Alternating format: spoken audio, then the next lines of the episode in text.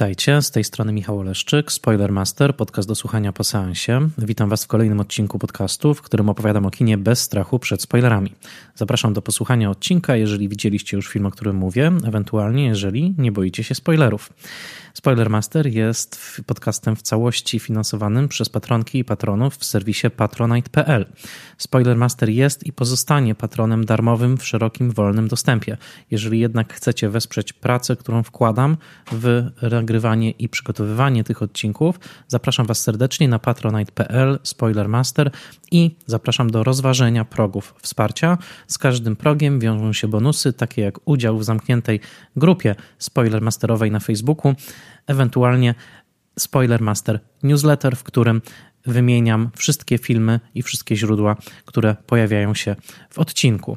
Serdecznie zapraszam do rozważenia takiego wsparcia i nie omieszkam jak zawsze podziękować moim patronkom i patronom imiennym czyli Michałowi Hudolińskiemu ze strony Gotam w deszczu, Odiemu Hendersonowi, Tytusowi Hołdysowi z profilu Vinylo Kino, na którym opowiada o dobrych płytach winylowych z muzyką filmową, Annie Jóźwiak, Tomaszowi Kopoczyńskiemu, Mateuszowi Stępniowi, a także blogowi Przygody Scenarzysty, na którym możecie przeczytać świetne analizy scenariuszowe i refleksje o funkcjonowaniu w branży scenariuszowej w Polsce, a także Fundacji Wasowskich, która wypełnia misję opiekowania się spuścizną Jerzego Wasowskiego. Bardzo serdecznie dziękuję wszystkim patronom imiennym, a także dzisiaj y, zwracam uwagę na to, że wciąż ze względu na to, że trwa pandemia koronawirusa, odcinek jest nagrywany w grudniu roku 2020.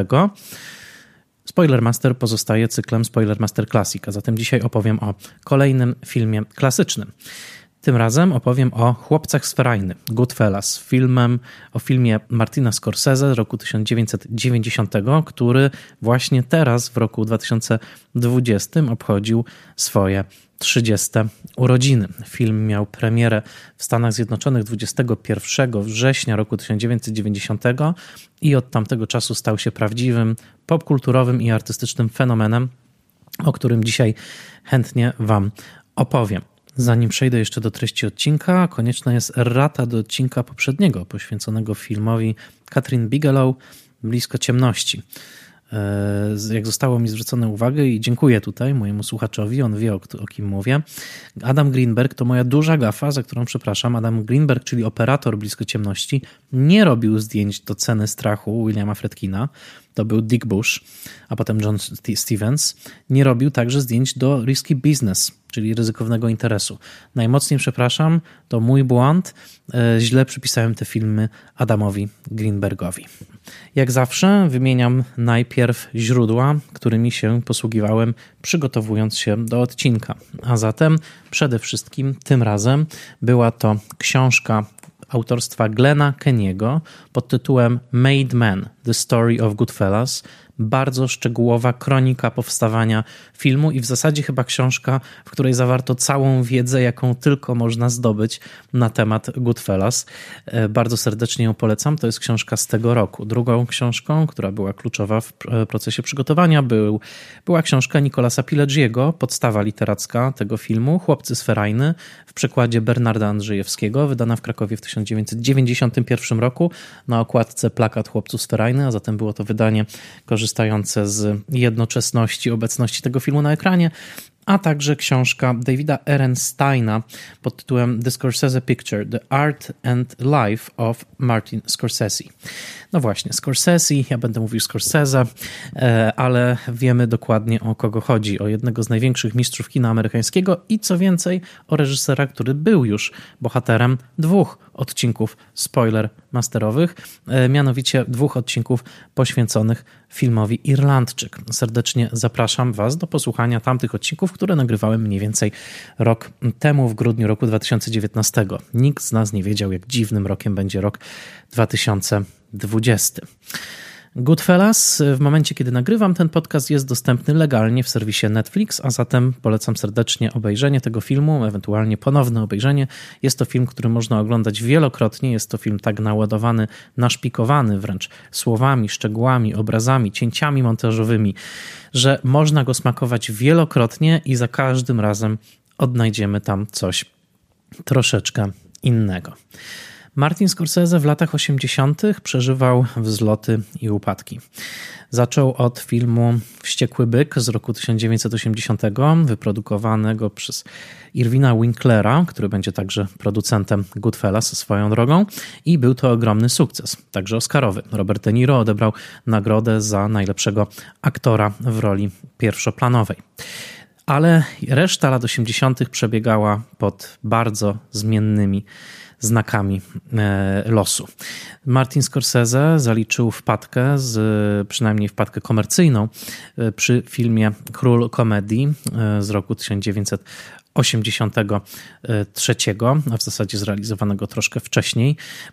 Jednocześnie starał się zrealizować najpierw bez powodzenia, później z powodzeniem, ale za to z ogromną kontrowersją i z niezadowalającymi wynikami finansowymi Ostatnie Kuszenie Chrystusa, które po raz pierwszy weszło w produkcję w roku 82, ale koniec końców powstało dopiero w roku 1988, a także Scorsese borykał się z licznymi problemami prywatnymi i zdrowotnymi. W roku 1985 nakręcił niewielki budżetowo, ale znakomity technicznie film po godzinach z Griffinem Danem w roli głównej, ale przez całą tą dekadę towarzyszyło karierze Scorsese'ego pytanie, czy on kiedykolwiek powróci do tak zwanej dużej hollywoodzkiej gry i czy udowodni, że jego nazwisko, a wiemy, że w Hollywood to przede wszystkim jest istotne, czy jego nazwisko jest wciąż bankable, to znaczy, czy jest w stanie reżyserować filmy, które przynoszą duże zyski.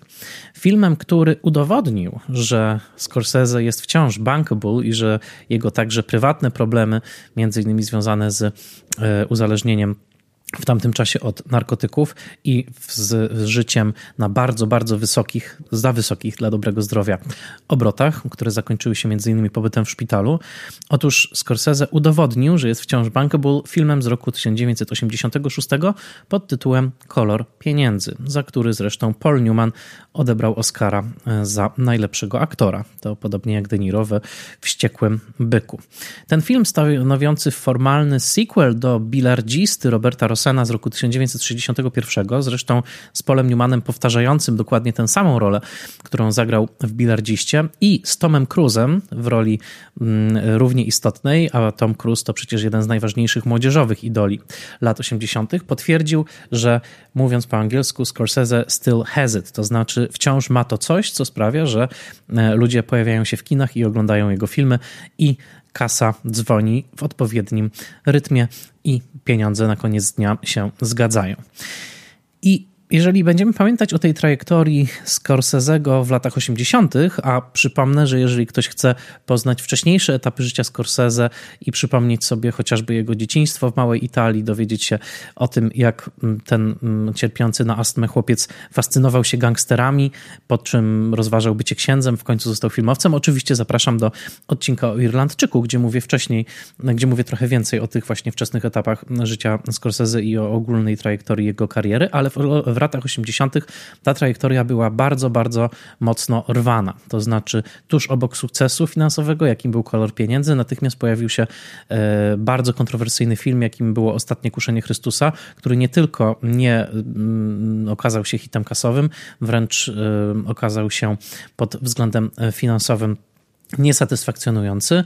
E, stał się także centrum bardzo nieprzyjemnej e, kontrowersji na całym świecie. Te kontrowersje miały trochę różne odcienie w Stanach Zjednoczonych, e, gdzie pojawiały się także wątki antysemickie skierowane pod adresem producentów tego filmu, po kontrowersje związane z brakiem dystrybucji tego filmu w wielu krajach, które po prostu tego filmu do dystrybucji ze względów religijnych i obyczajowych nie wzięły. A zatem w roku 1989 kiedy trwały zdjęcia do chłopców z Ferajny, y, Martin Scorsese wiedział, że stawka jest bardzo duża. To znaczy albo nakręci swój film, który będzie jego do tej pory największym sukcesem i potwierdzi to, co wcześniej potwierdził kolorem pieniędzy, jednocześnie kręcąc film lepszy od koloru pieniędzy i głębszy i stanowiący mm, y, o wiele, wiele ambitniejszy projekt, albo to się nie uda. Udało się znakomicie. Y, chłopcy z Ferajny okazali się wielkim sukcesem. Film kosztował 25 milionów dolarów, przyniósł prawie 50, ale oczywiście od tamtego czasu ta liczba jest jeszcze większa, a także przyniósł, e, przyniósł e, aż 6 nominacji do Oscara za najlepszy film dla reżysera, dla najlepszej aktorki drugoplanowej Lorraine Bracco, dla Johna Pesciego, który odebrał statuetkę za najlepszego aktora drugo, e, drugoplanowego i jeszcze za montaż dla Tel filmy Schoonmaker oraz za adaptowany scenariusz dla Martina Scorsese'ego i Nicolasa Pileggiego. I teraz właśnie zatrzymajmy się na Nicolasie Pileggim, dlatego że to dobry mm, punkt startowy, żeby zrozumieć skąd ten film się wziął, jaka była jego droga na ekran. W Spoilermasterze zawsze staram się Wam te aspekty naświetlić, a także opowiedzieć trochę o kontekstach filmu, tak żeby Wasza przyjemność z jego oglądania była możliwie największa. Nicolas Pileggi był przede wszystkim reporterem. Reporterem, który zajmował się głównie pisaniem o nowojorskiej mafii. Pileggi, prywatnie mąż Nory Efron, scenarzystki i reżyserki, którą dobrze znacie jako słuchacze Spoilermastera, to ona napisała film, o którym zrobiłem cały oddzielny odcinek, to znaczy Kiedy Harry poznał Sally, a także została niekoronowaną królową komedii romantycznej dzięki filmowi Bezsenność w Seattle. Otóż Nicolas Pileggi właśnie był od pewnego momentu jej mężem i e, bardzo od właściwie wczesnych lat swojej kariery e, zaczynał jako najpierw chłopiec na posyłki dla Associated Press, a następnie pisał dla nowojorskich magazynów, przede wszystkim właśnie skupiając się na życiu nowojorskiej mafii, wnikając z dużym powodzeniem do mm, klubów, restauracji, barów, w których przesiadowali włoscy mafiozi na Brooklynie e, i mm, spisywał bardzo e, te historie, które mu bardzo chętnie opowiadali, e, po czym historie trafiały, nawet czasami bez oddania sprawiedliwości, jego wysiłkowi reporterskiemu do rozmaitych materiałów rozsyłanych przez właśnie Associated Press. Powoli z, z mijającymi latami Pileggi dorobił się swojej własnej reporterskiej marki i w roku 1986, dokładnie kiedy Martin Scorsese był jeszcze na planie koloru pieniędzy, e, Nicolas Pileggi wydał książkę Wise Guy. Dosłownie e, taki był jej tytuł i była to e, historia skoncentrowana przede wszystkim na postaci Henry'ego Hilla, e, pół krwi Irlandczyka, pół krwi Sycylijczyka, wychowanego w dzielnicy East New York, e, niedaleko lotniska ówcześnie znanego jako Idlewild, następnie po śmierci Kennedy'ego przemianowanego na JFK. Otóż e, Henry Hill był właśnie bohaterem książki Pileggiego. Henry Hill e, był, mm, e, pracował w zasadzie dla mafii włoskiej w latach od lat 50. wzwyż.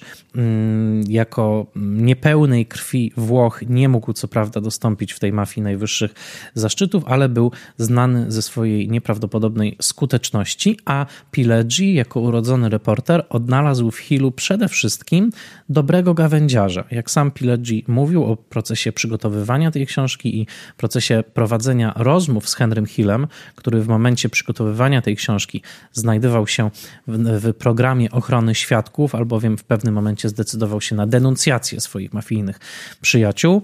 Otóż, jak sam Pileggi stwierdzał, było coś niesamowitego w tym, że Hill pamiętał każdy szczegół.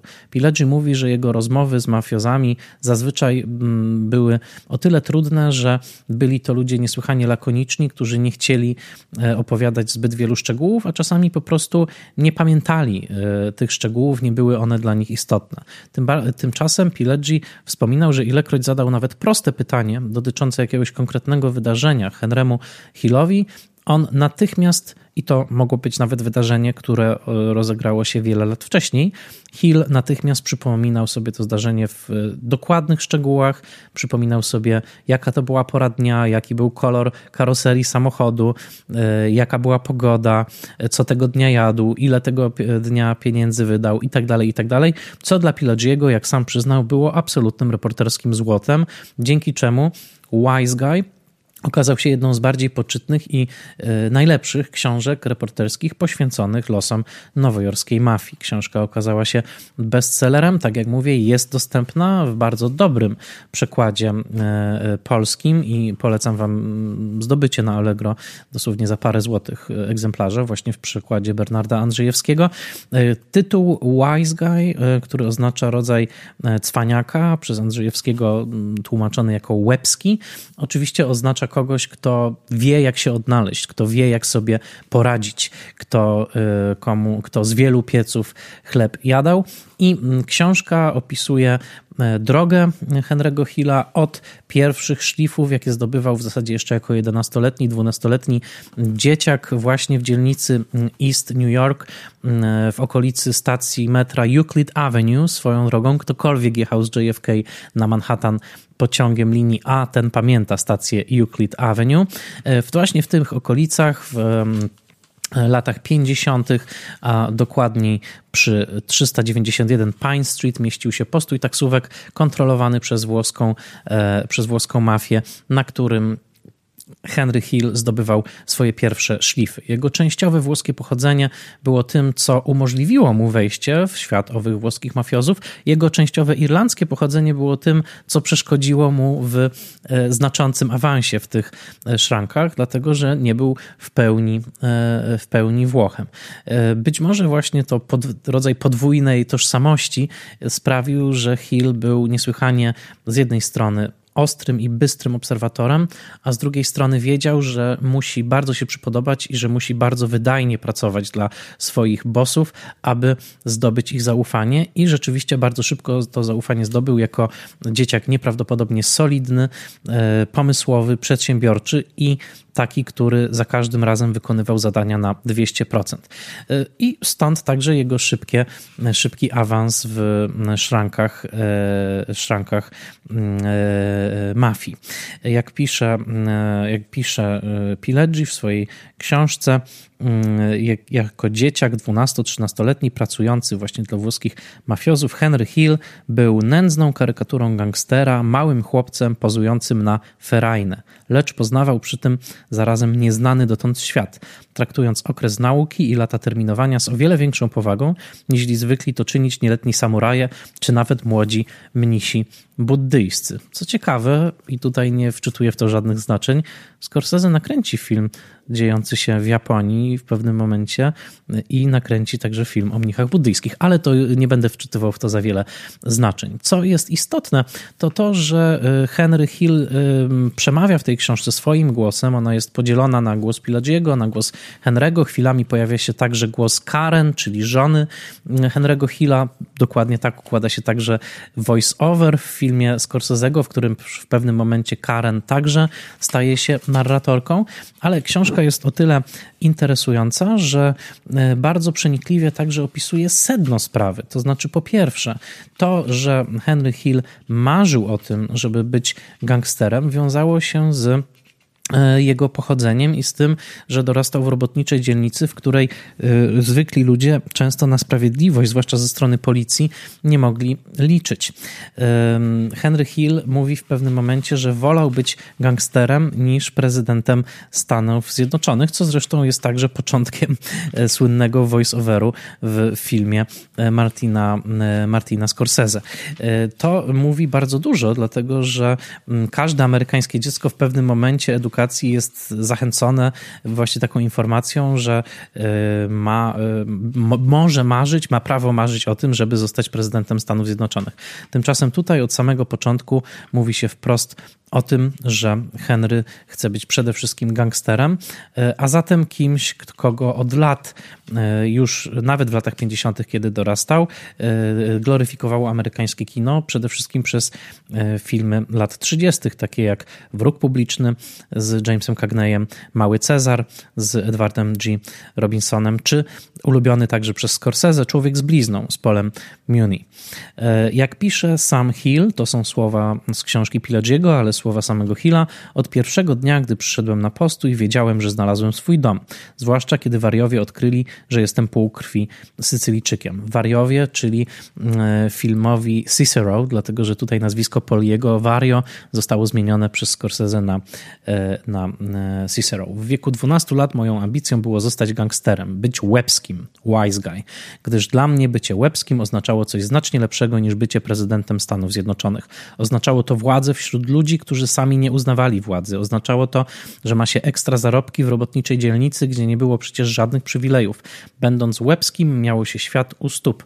Marzyłem o tym, żeby być właśnie takim. Podobnie jak inne dzieci marzą o zostaniu lekarzem, gwiazdą filmową, strażakiem albo znanym piłkarzem.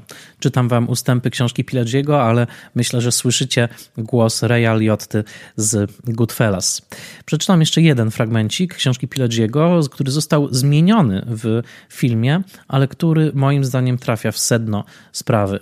E, jeżeli dobrze pamiętacie, w filmie jest epizod, w którym mafia pomaga Henrymu w kłopotach, kiedy zbyt często do jego rodziców przychodzą listy ze szkoły, do której Henry uczęszcza i mm, Henry odbiera niezłe lanie od swojego surowego ojca, pewnym momencie mafiozi e, przemawiają do rozsądku listonosza roznoszącego te listy i dbają o to, żeby żadne listy ze szkoły już do Hillów nie docierały.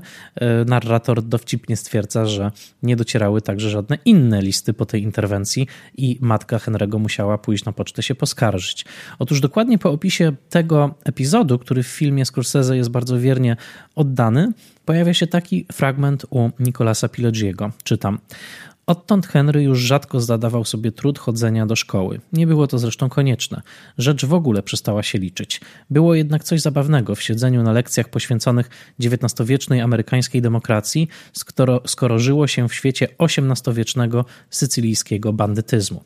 Ta ostatnia linijka jest zmieniona, w filmie, to znaczy nie pojawia się to porównanie XIX-wiecznej amerykańskiej demokracji, o której dzieciaki w Stanach muszą się uczyć, z sycylijskim bandytyzmem wieku XVIII, ale wydaje mi się, że jest to dokładnie sedno sprawy. To znaczy Henry Hill wchodzi w strukturę, która jest z gruntu niedemokratyczna, która jest, swojego rodzaju państwem w państwie i jest przeszczepieniem struktur władzy i samoorganizacji z starego świata. Innymi słowy, można powiedzieć, że w ramach tego East New W okolicach Pitkin Avenue, e, stworzono coś w rodzaju e, symulowanej, odrębnej rzeczywistości. Odrębnej rzeczywistości, w której oficjalne instytucje amerykańskiego państwa, a także jego oficjalna mitologia nie miały wstępu. Liczyła się tylko żelazna lojalność i twarda dłoń e, mafijnej rodziny. Ta mm, alternatywna rzeczywistość jest ukazana jako niebywale atrakcyjna w filmie chłopcy z Ferajny i tak naprawdę film jest o tym, o zamieszkaniu w alternatywnej rzeczywistości, w której są bardzo jasne zasady, w którym nagrody przychodzą bardzo szybko i są nie, nieproporcjonalnie e, kuszące w stosunku do tego, co trzeba zrobić, aby je otrzymać, po czym moralny kompas się gubi i rozpoczyna się coś, co w kinie gangsterskim zawsze istnieje, czyli upadek gangstera. Ale bardzo interesujące jest właśnie to nakreślenie alternatywnego świata, który posługuje się z gruntu, można powiedzieć, niedemokratycznymi zasadami i właśnie to, pewna, można wręcz powiedzieć, arystokratyczność tego świata chłopaków z Ferajny, którzy wydają się unosić dwie stopy nad ziemią, których nie dotyczą zasady codziennej mm, walki o przetrwanie i codziennej charówki, jaką chociażby widzi Henry w postaci swojego ojca, że to wszystko niesłychanie do młodego Henry'ego przemawia. Wróćmy zatem do książki Pileggiego. Ukazuje się ona w roku 1986, jest wielkim sukcesem. Mm, uwagę Martina Scorsese przykuwa ona natychmiast. Zwraca na y, jego uwagę na nią także jego ówczesna żona i producentka Barbara Defina, która koniec końców będzie także produkowała chłopców sferajny e, i zaczyna się proces rozmów.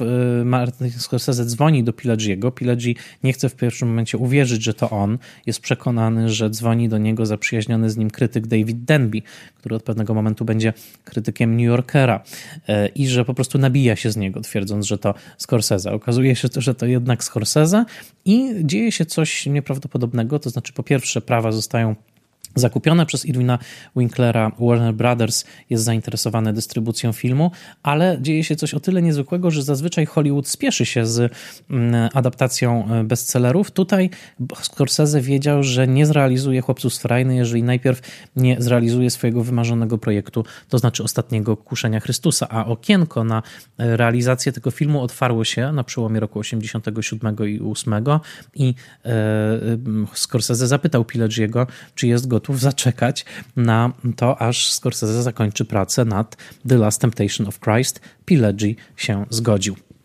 I dzięki temu w roku 89 Scorsese wchodzi na plan ze znakomitym operatorem Michaelem Balhausem, a w zasadzie Michaelem Balhausem, który jeszcze w Niemczech swoich rodzimych nakręcił aż 13 filmów z Rainerem Wernerem Fassbinderem, wybitnym reżyserem nowego kina niemieckiego. Ballhaus, który był z jednej strony absolutnym gentlemanem, jak często jest opisywany przez wszystkich w zasadzie, którzy z nim pracowali, miał także swego rodzaju genetyczne połączenie z historią kina, historią kina, która zawsze była niesłychanie bliska kinomanowi, kinofilowi, jakim był Scorsese, a mianowicie jego wujem był Max Ophuls, słynny reżyser m.in. filmu Lola Montes, znanego z bardzo długich i bardzo ambitnych w realizacji ujęć. Można powiedzieć, że być może to genetyczne połączenie, oczywiście mówię pół żartem, pół serio, umożliwiło Michaelowi Balhausowi realizację słynnego filmu, słynnego ujęcia w Chłopcach Sferajny, to znaczy długiej, steadycamowej jazdy w klubie Copacabana. Ale o niej jeszcze wspomnimy.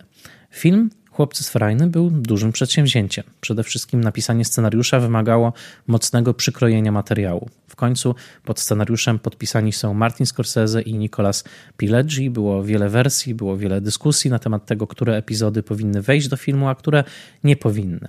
Scenariusz jest w sposób ostentacyjny przeładowany wydarzeniami, przeładowany informacjami.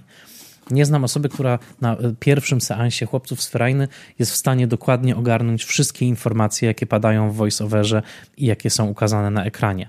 Celem Scorsese'ego od początku było oszołomienie widza.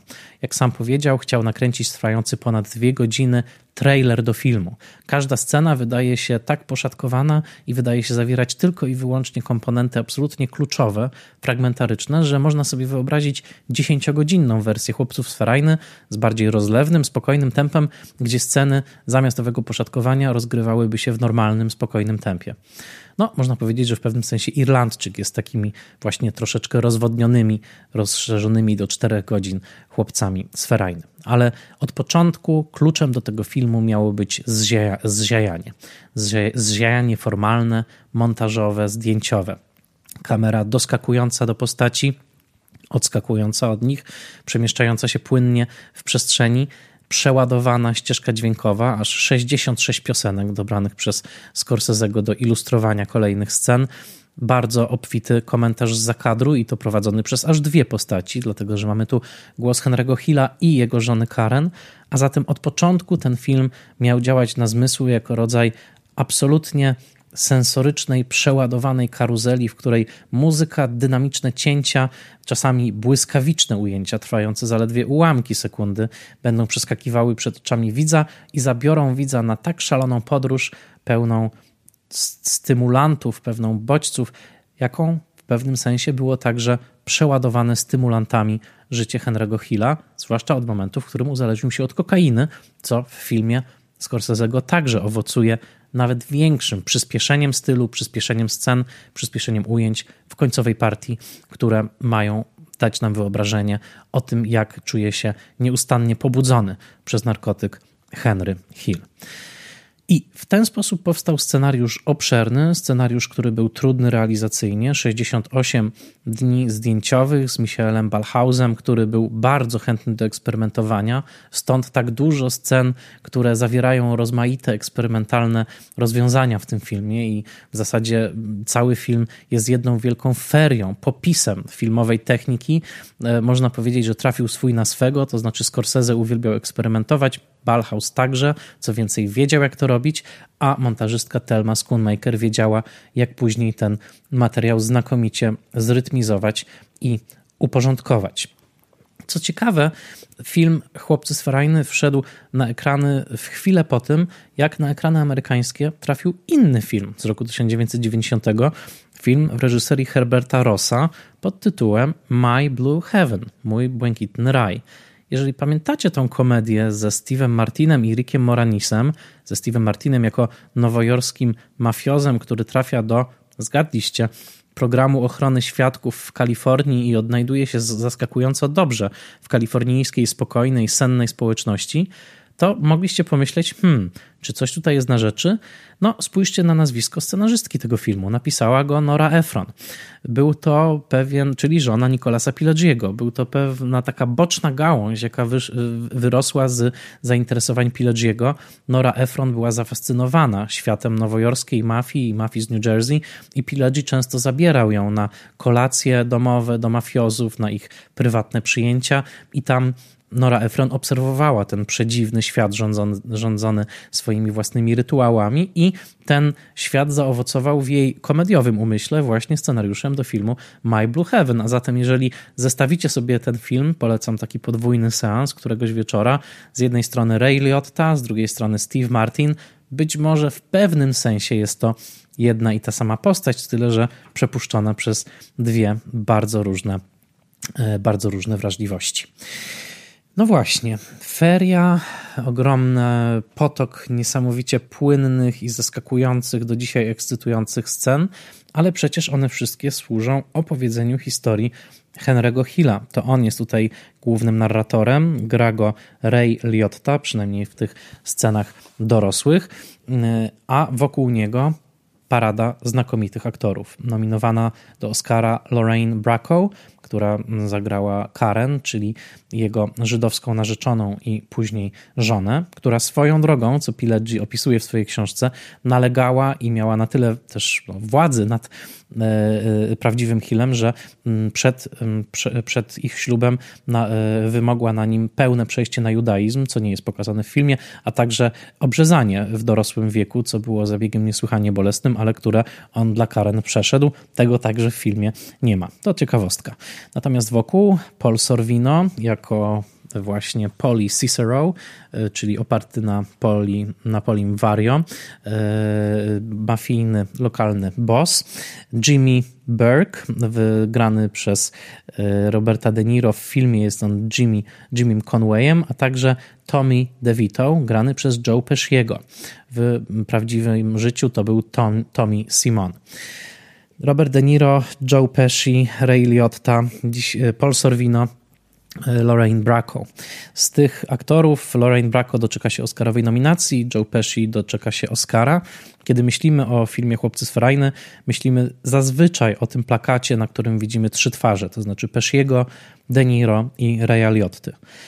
Tak, po latach oni wszyscy są absolutnymi klasykami, ale pamiętajmy, że w roku 1989 ani Ray Liotta, ani nawet Joe Pesci nie byli szczególnie dobrze znani amerykańskiej publiczności. Pesci był gra, znany przede wszystkim ze takiej ekscentrycznej persony, jaką reprezentował. O niej za chwilkę. Ray Liotta dopiero co był po sukcesie w filmie Something Wild, czyli Dzikiej Namiętności Jonathana Demiego z 1986 roku.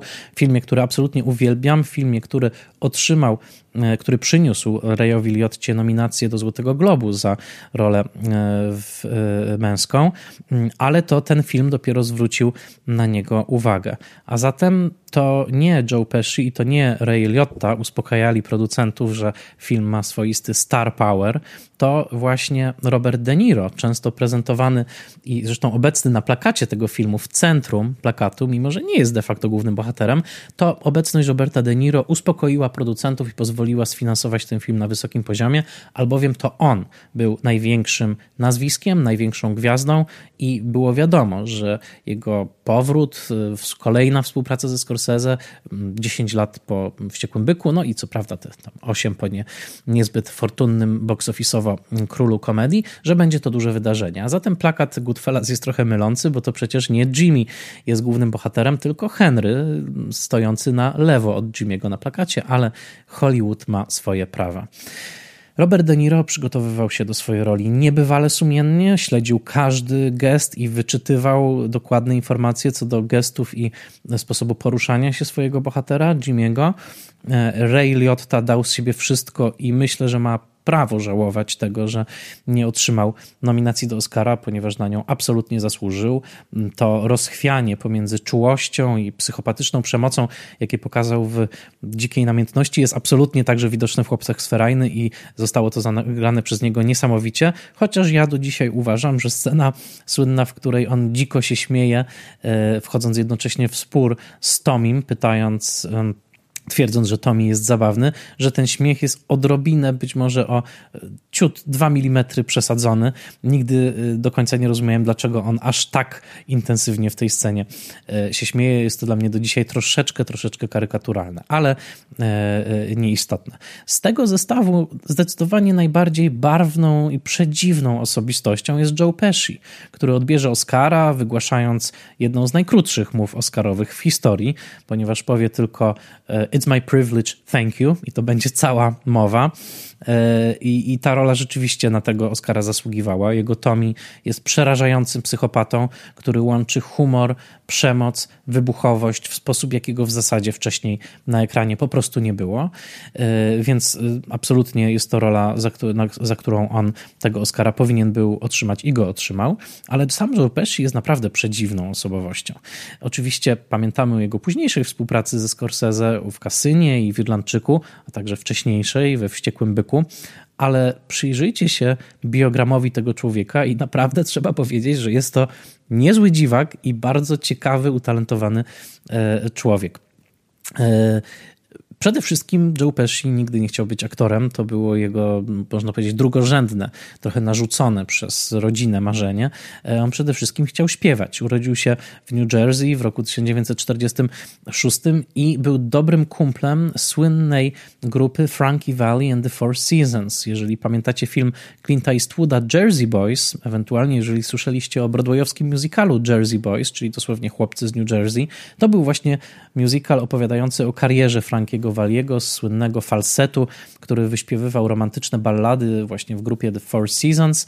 I to byli nie tylko kumple Joe Pesciego, on im w pewnym momencie umożliwił w ogóle karierę, przedstawiając ich odpowiednim ludziom w przemyśle muzycznym.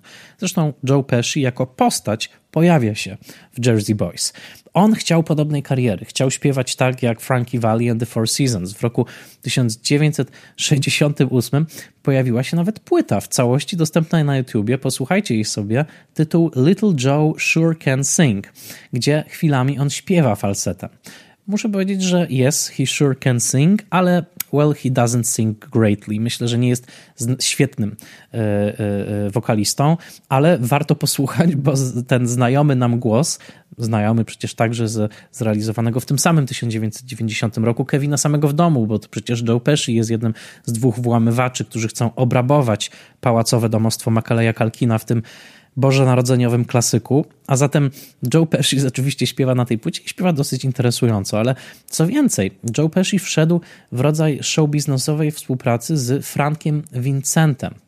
Frankiem Vincentem, który w filmie Scorsese'ego także, e, także występuje jako Billy Butts, za, zakopany na śmierć w pewnym momencie w bardzo brutalnej scenie, e, zresztą przez samego Tomiego, czyli Joe Pesciego.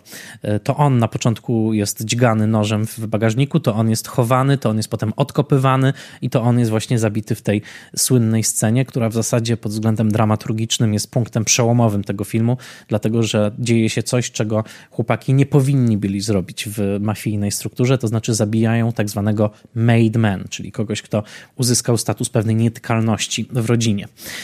Ale zwróćcie, zwróćmy uwagę, że Frank Vincent, którego z taką pasją kopie Joe Pesci w tej scenie, jest jego dobrym kumplem. Oni wspólnie występowali jako e, duet e, Vincent i Pesci. Nagrali wspólnie płyty, zresztą bardzo interesujące. Polecam wam wpisanie tego hasła Vincent Pesci, Frank Vincent Joe Pesci. Zobaczycie, jaką oni mieli interesującą, ciekawą karierę muzyczną. Co więcej, Martin Scorsese uwielbiał ich obsadzać jako bijących się na śmierć i życie zbirów. Słynna scena, w której brat Jake'a LaMotty, właśnie grany przez Joe Pesciego Joey e, e, w jednej ze scen maltretuje mężczyznę, w, e, rozbijając go wielokrotnie od drzwi samochodu. Ta scena to właśnie jest scena z Frankiem Vincentem. W pewnej zemsty dokonuje Vincent w równie krwawej scenie w filmie Casino, gdzie tym razem on dominuje nad Pescim. A zatem trzykrotnie w filmach Scorsese'ego są sceny przemocy pomiędzy Pescim i Vincentem. No, szczególna relacja, musicie powiedzieć. A zatem tych trzech aktorów, ale także znakomity Paul Sorvino, znakomita Lauren Bracco, która pokazuje całą moc erotycznego przyciągania, jaką ma dla niej Henry, ale także pokazuje rodzaj kulturowego klaszu, kiedy wchodzi pomiędzy włoskie e, żony mafiozów i czuje się absolutnie e, e, nie na miejscu. Jest to dla niej miejsce kulturowo mm, obce. To wszystko Lorraine Bracco także znakomicie zagrała, włącznie z lojalnością w scenach, kiedy odwiedza Karen Henry'ego w więzieniu i później, kiedy wspólnie już w zasadzie staczają się na dno, nie tylko ćpając razem, ale także pogrążając się coraz to niżej w spirali e, zbrodni, aż koniec końców e, Henry Hill decyduje się na sypanie, by użyć sformułowania samych chłopaków z Ferajny. Chłopcy z Ferajny są filmem, który Zatem tak, pochodzi, ma swoje źródło w znakomitej książce reporterskiej. Jest filmem, w którym Scorsese chciał pokazać, co umie w takim ostatecznym geście.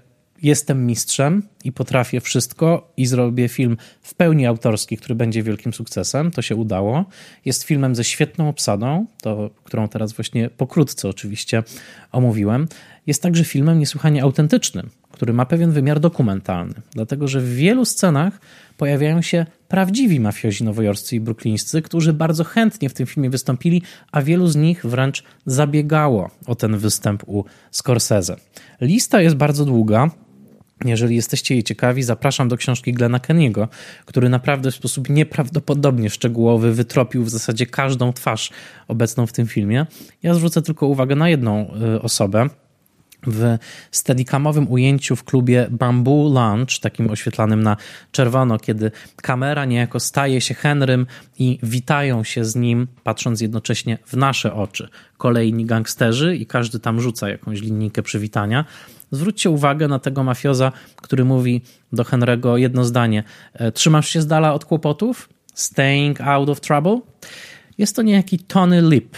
I teraz skąd my znamy to nazwisko? Oczywiście jest to Tony Valalonga, czyli bohater Green Booka. Dosłownie to jest ten mężczyzna, ten e, przede wszystkim oczywiście ochroniarz, ale także powiązany z mafią, którego zagra po latach w filmie Farellego Viggo Mortensen dzięki książce Keniego dowiedziałem się czegoś, co całkowicie umknęło mi. Nawet kiedy przygotowywałem odcinek o pieskim popołudniu, to znaczy, że Tony Lip, którego tutaj widzimy, jak mówi Staying Out of Trouble, występował także w innych filmach. Wystąpił m.in. w rolach epizodycznych w Pieskim Popołudniu, o którym nagrywałem oddzielny odcinek, i w Ojcu Chrzestnym Kopoli. A zatem to, że jest to film tak autentyczny, myślę teraz już o chłopcach z Frajny, między innymi wynika z tego, że tak wielu prawdziwych mafiozów się tam pojawia i kiedy patrzymy na te twarze, kiedy patrzymy na ich styl, na ich styl poruszania się, to jest po prostu the real deal. Oczywiście chłopcy z Ferajny zainspirują także rodzinę Soprano. David Chase przyzna, że nigdy nie nakręciłby rodziny Soprano, gdyby nie wielka inspiracja, jakiej dostarczył e, Scorsese właśnie jako kronikarz mafii New Jersey i Nowego Jorku. E, swoją drogą Wikipedia wylicza, że aż 20, 27 aktorów, 27 aktorów pojawiło się i w Chłopcach z Ferajny, i w rodzinie Soprano. Przyznacie, że jest to wysoka statystyka. Oczywiście e, najsłynniejsze nazwiska e, pod tym względem to e, przede wszystkim Michael Imperioli, ale także Frank Vincent, który przecież pojawia się w rodzinie Soprano. Michael Imperioli jako Christopher, a w Chłopcach z jako Spider, zastrzelony w scenie niezwykle okrutnej i szokująco zabawnej jednocześnie, kiedy to Tommy strzela do niego jak w westernie i zabija go e, jednocześnie.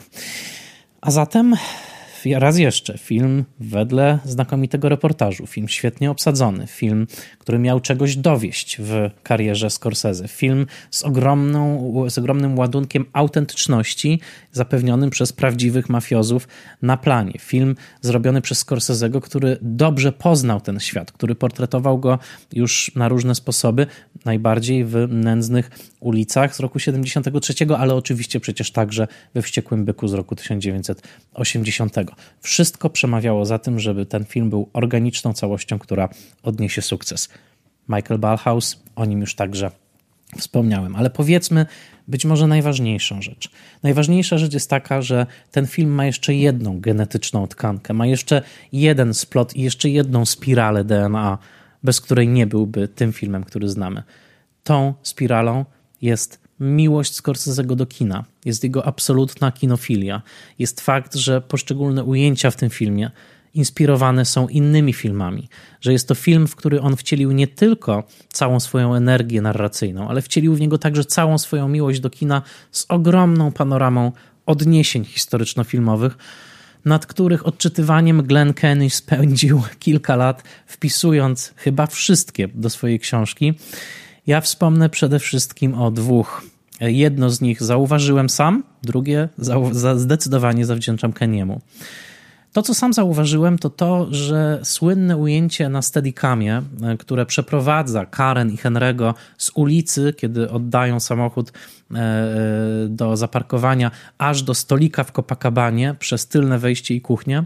Swoją drogą operatorem z Steadicamu był wybitny operator tej techniki mm, żyroskopowego stabilizowania kamery, czyli Larry McConkie. Otóż sam zauważyłem, że to ujęcie zaczyna się od zbliżenia na kluczyk samochodowy. I pamiętałem bardzo dobrze, że jedno ze słynnych długich ujęć u Hitchcocka, mianowicie w filmie Osławiona, kończy się ujęciem kluczyka. I sobie pomyślałem, to nie może być przypadek. Glenn Kenny potwierdził moje podejrzenia, ale to, na co nigdy bym nie wpadł, a Kenny pisze o tym znakomicie, to to, że cała struktura narracyjna, ale także ten styl, w którym z jednej strony jesteśmy oprowadzani głosem voice-overu, czyli głosem płynącym z zakadru, a z drugiej strony tempo przesuwu taśmy zmienia się. Raz jest troszeczkę spowolnione, raz jest normalne, raz jest przyspieszane, a czasami pojawiają się znaczące stopklatki, bo to w tym filmie po raz pierwszy Scorsese zastosował tak odważne stopklatki, zatrzymujące scenę w połowie, po czym ponownie ją puszczające. Otóż, że to wszystko było już wcześniej. Gdzie?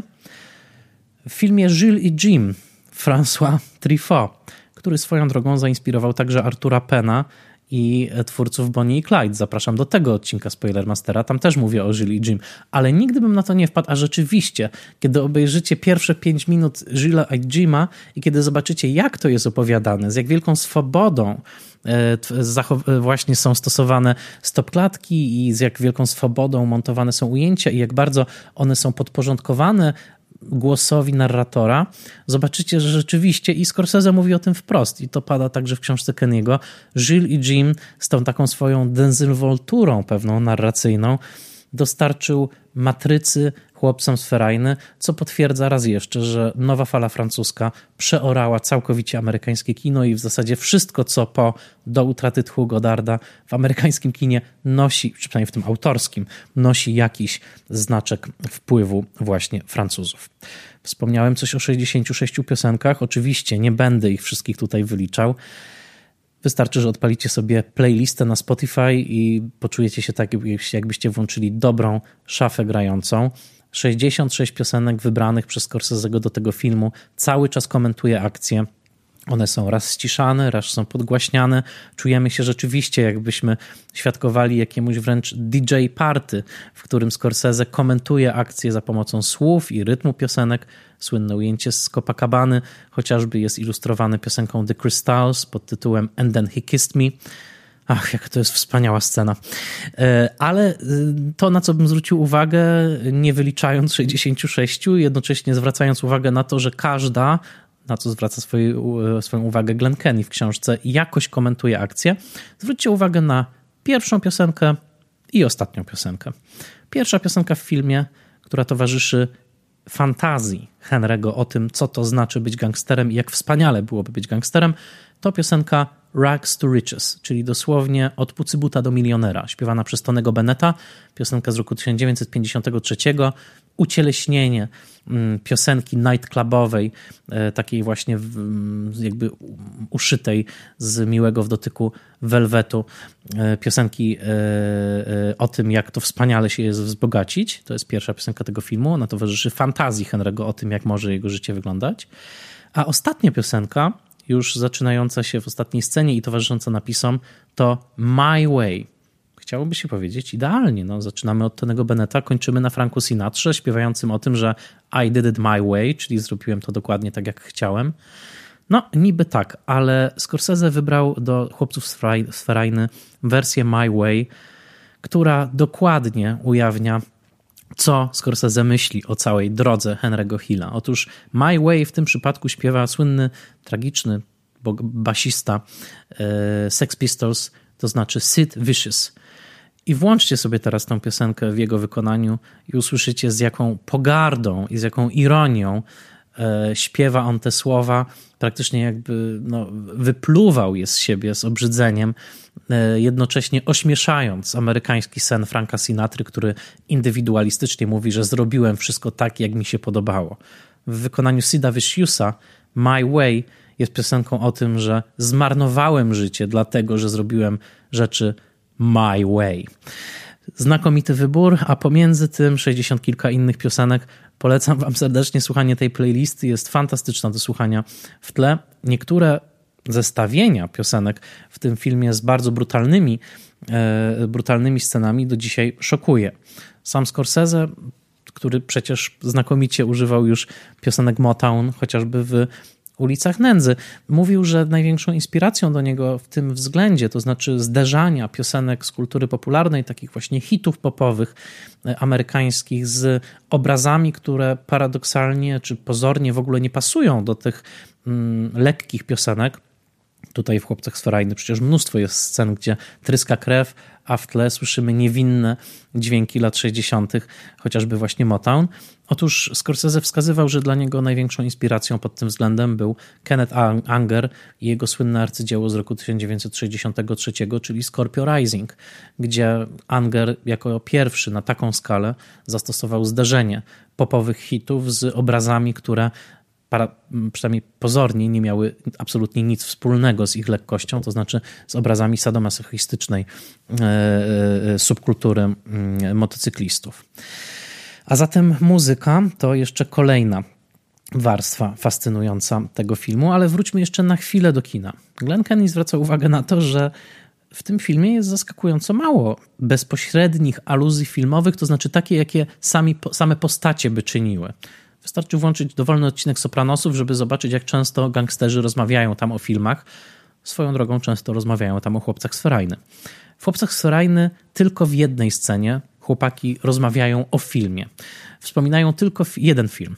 The Oklahoma Kid, czyli western z Jamesem Cagneyem, Jamesem Cagneyem, znanym przede wszystkim jako gangster filmowy, i to jest scena, w której Tommy zaczyna strzelać do Spidera, czyli właśnie do bohatera Imperialiego i najpierw rani mu stopę, a potem go zabija. To jest jedyny film, o jakim mówią bezpośrednio bohaterowie. No, można powiedzieć jeszcze, że Karen ogląda śpiewaka jazz bandu w telewizji. To jest kolejna e, aluzja e, i ona jest tutaj obecna. Ale ogólnie rzecz biorąc jest tak, że te filmowe fascynacje Scorsese'ego są tutaj ukryte pod powierzchnią i dotyczą struktury tego, co właśnie nazwałem DNA filmu. Ale jest jeszcze jedna fantastyczna aluzja filmowa i tutaj e, sam Scorsese w jednym z wywiadów mówił o tym, że zwróćcie uwagę, kiedy film już się kończy, kiedy kamera znajduje Henry'ego Hilla na y, zielonym trawniku jego domku na przedmieścia, kiedy już znajduje się w y, programie ochrony świadków, on bierze gazetę, żyje dokładnie tym życiem, którym zawsze tak gardził, to znaczy życiem normalsów, którzy codziennie chodzą do pracy i tak dalej, i mówi, że jest sznuk, czyli jest po prostu frajerem. W tym samym momencie mamy przebitkę na Tomiego, który przecież już w tym momencie opowieści nie żyje, prawda? Który patrzy wprost na nas i strzela w kamerę. Długo się zastanawiałem, po co ten moment, co on oznacza. Czy oznacza, że Tommy chce zabić z zagrobu Henry'ego? Czy jest to jakaś zapowieść zbliżającej się mafijnej zemsty? Pięknie wyjaśnił to sam Scorsese w jednym z wywiadów. Otóż jest to nawiązanie do jednego z najstarszych filmów amerykańskich, do właściwie filmu, który położył pod podwaliny pod amerykańskie kino.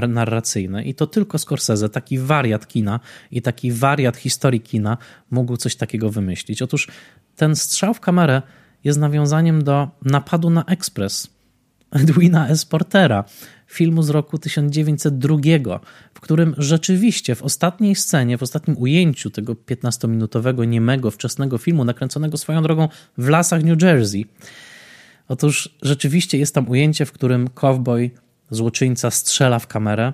To ujęcie jest słynne o tyle, że nie wiąże się narracyjnie z resztą filmu za bardzo. Było rodzajem atrakcji wizualnej tak naprawdę. I oto Scorsese powtarza ten gest strzału w kamerę w swoim filmie Goodfellas z roku 1990. Przyznacie, że człowiek, który w jednym filmie jednocześnie posiłkuje się Żylem i Jimem i napadem na Express z 1902 roku, zasługuje na miano prawdziwego kinomana i nie ma kinomana prawdziwszego niż właśnie Martin Scorsese. Oglądany po latach ten film nie traci na swojej energii. Muszę powiedzieć, że zawsze jest dla mnie doświadczeniem trochę męczącym. Ten nadmiar bodźców, nadmiar piosenek, nadmiar komentarza, nadmiar akcji. Jest zazwyczaj taki moment w tym filmie, kiedy ja troszeczkę się gubię w akcji, kiedy jestem zbyt zmęczony, żeby przy, przyswajać kolejne informacje. Ale zawsze potem przychodzi kolejne uderzenie, troszeczkę jak wciągnięcie kolejnej kokainowej kreski. Disclaimer, nigdy nie zażywałem kokainy. Ale tak sobie to wyobrażam. I ten film rzeczywiście ma w sobie coś takiego z mm, shotu, takiego kolej albo serii e, shotów e, po prostu przyjmowanych jeden za drugim, które wprawiają nas w rodzaj oszołomienia i które sprawiają, że na chwilę nasze moralne osądy zostają rozmyte, na chwilę czujemy ekscytację bycia gangsterem, ewentualnie jesteśmy czasami wyrywani z tej ekscytacji poprzez czysty szok, jakim owocują brutalne działania bohaterów, ale przez te 2 godziny 25 minut doświadczamy takiego samego haju, jakiego musiał doświadczyć Henry Hill, kiedy orientował się, że zasady demokracji amerykańskiej, kapitalistycznego społeczeństwa i tego nudnego porządku, który każe ludziom wstawać o 6 rano i wracać do domu późno i denerwować się na swoich bliskich, że go nie dotyczą, dlatego że co prawda wszedł w świat XVIII-wiecznego sycylijskiego bandytyzmu, jak to znakomicie opisał Nicolas Pileggi, ale jednocześnie zamieszkał w świecie alternatywnym, w którym przynajmniej przez jakiś czas mógł się poczuć nie tylko jako pan swojego losu, ale jako ktoś, komu na kolanach wylądował e, róg obfitości, jakim mógł się cieszyć przez no, większą część swojego, swojego życia. Pod tym względem nie jest to film amoralny, dlatego że film jednoznacznie ocenia działalność e, Henry'ego. Ta ocena jest wpisana e, w jego strukturę, ale z drugiej strony jest to film, który każe nam przynajmniej rozważyć e, to, jakie są przyczyny, dla których ludzie występują z tych mm, szeregów zwykłych obywateli, można powiedzieć, którzy właśnie martwią się o płacenie rachunków, jak mówi to w pewnym momencie Henry, i przystają do tych porządków alternatywnych, które gwarantują im poczucie wszechmocy przynajmniej na jakiś czas. Nie jest żadną tajemnicą, że do tego tematu Scorsese wraca wielokrotnie później w swojej twórczości, czy to w Irlandczyku, czy to w Kasynie, czy to w Wilku z Wall Street, który jest dokładnie o tym samym, tyle że w trochę innej wersji i pokazuje trochę inny odcień nieprawości. Po latach film jest dumnie starzejącym się klasykiem. Jest filmem, który każe, myślę, także pod względem zmysłowym, tuż po seansie zrobić sobie jakieś dobre spaghetti, bo pojawia się tutaj cała seria bardzo smakowitych ujęć włoskiego jedzenia. Swoją drogą Henry Hill po latach opublikował książkę kucharską The Wise Guys Cookbook. Wiedział dobrze, jak skapitalizować swój sukces komercyjny. Henry Hill zmarł dopiero w roku 2012. Stał się rodzajem celebryty, który udzielał się także promując film. Jest chociażby zdjęcie już starzejącego się Raya Liotti z Henrym Hillem. I do końca życia pozostał także, można powiedzieć, irlandzkim gawędziarzem. To był być może jego największy talent nawet większy niż załatwianie sprawunków dla mafii. Chłopcy z Ferajny zmienili kino gangsterskie, są kolejnym kamieniem milowym po Ojcu Chrzestnym z roku 1972, a następnym kamieniem milowym będą oczywiście The Sopranos w roku 1999, stworzone przez Davida Chase'a, zaludnione 27 aktorami z filmu Scorsese'ego, usiane aluzjami do filmu Scorsese'ego i rozszerzające mm, portret nowojorskiego czy New Jersey gangstera do takich głębokości psychologicznych, o jakich nie śnił ani Coppola, ani Scorsese, ani chyba nawet Pileggi w swojej książce, no to Tony Soprano przecież stanie się najbardziej pogłębionym męskim bohaterem w historii e, ruchomych obrazów, bo żadnemu innemu nie zostało poświęcone aż 80 godzin ekranowych, w których zastanawialiśmy się tak mocno, co siedzi w tym ogromnym, e, e, groźnym, jednocześnie gdzieś jakoś skrzywdzonym także mm, mafiozie, który tak bardzo umiłował sobie danie o nazwie Ziti. To danie zresztą pojawia się także w Chłopcach z Ferajny. Mam nadzieję, że podobał się Wam kolejny odcinek Spoilermastera. Raz jeszcze zachęcam Was do odwiedzenia mojego fanpage'a na Facebooku i do odwiedzenia mojego profilu na patronite.pl. Życzę Wam dobrej playlisty i mam nadzieję, że usłyszymy się już za tydzień.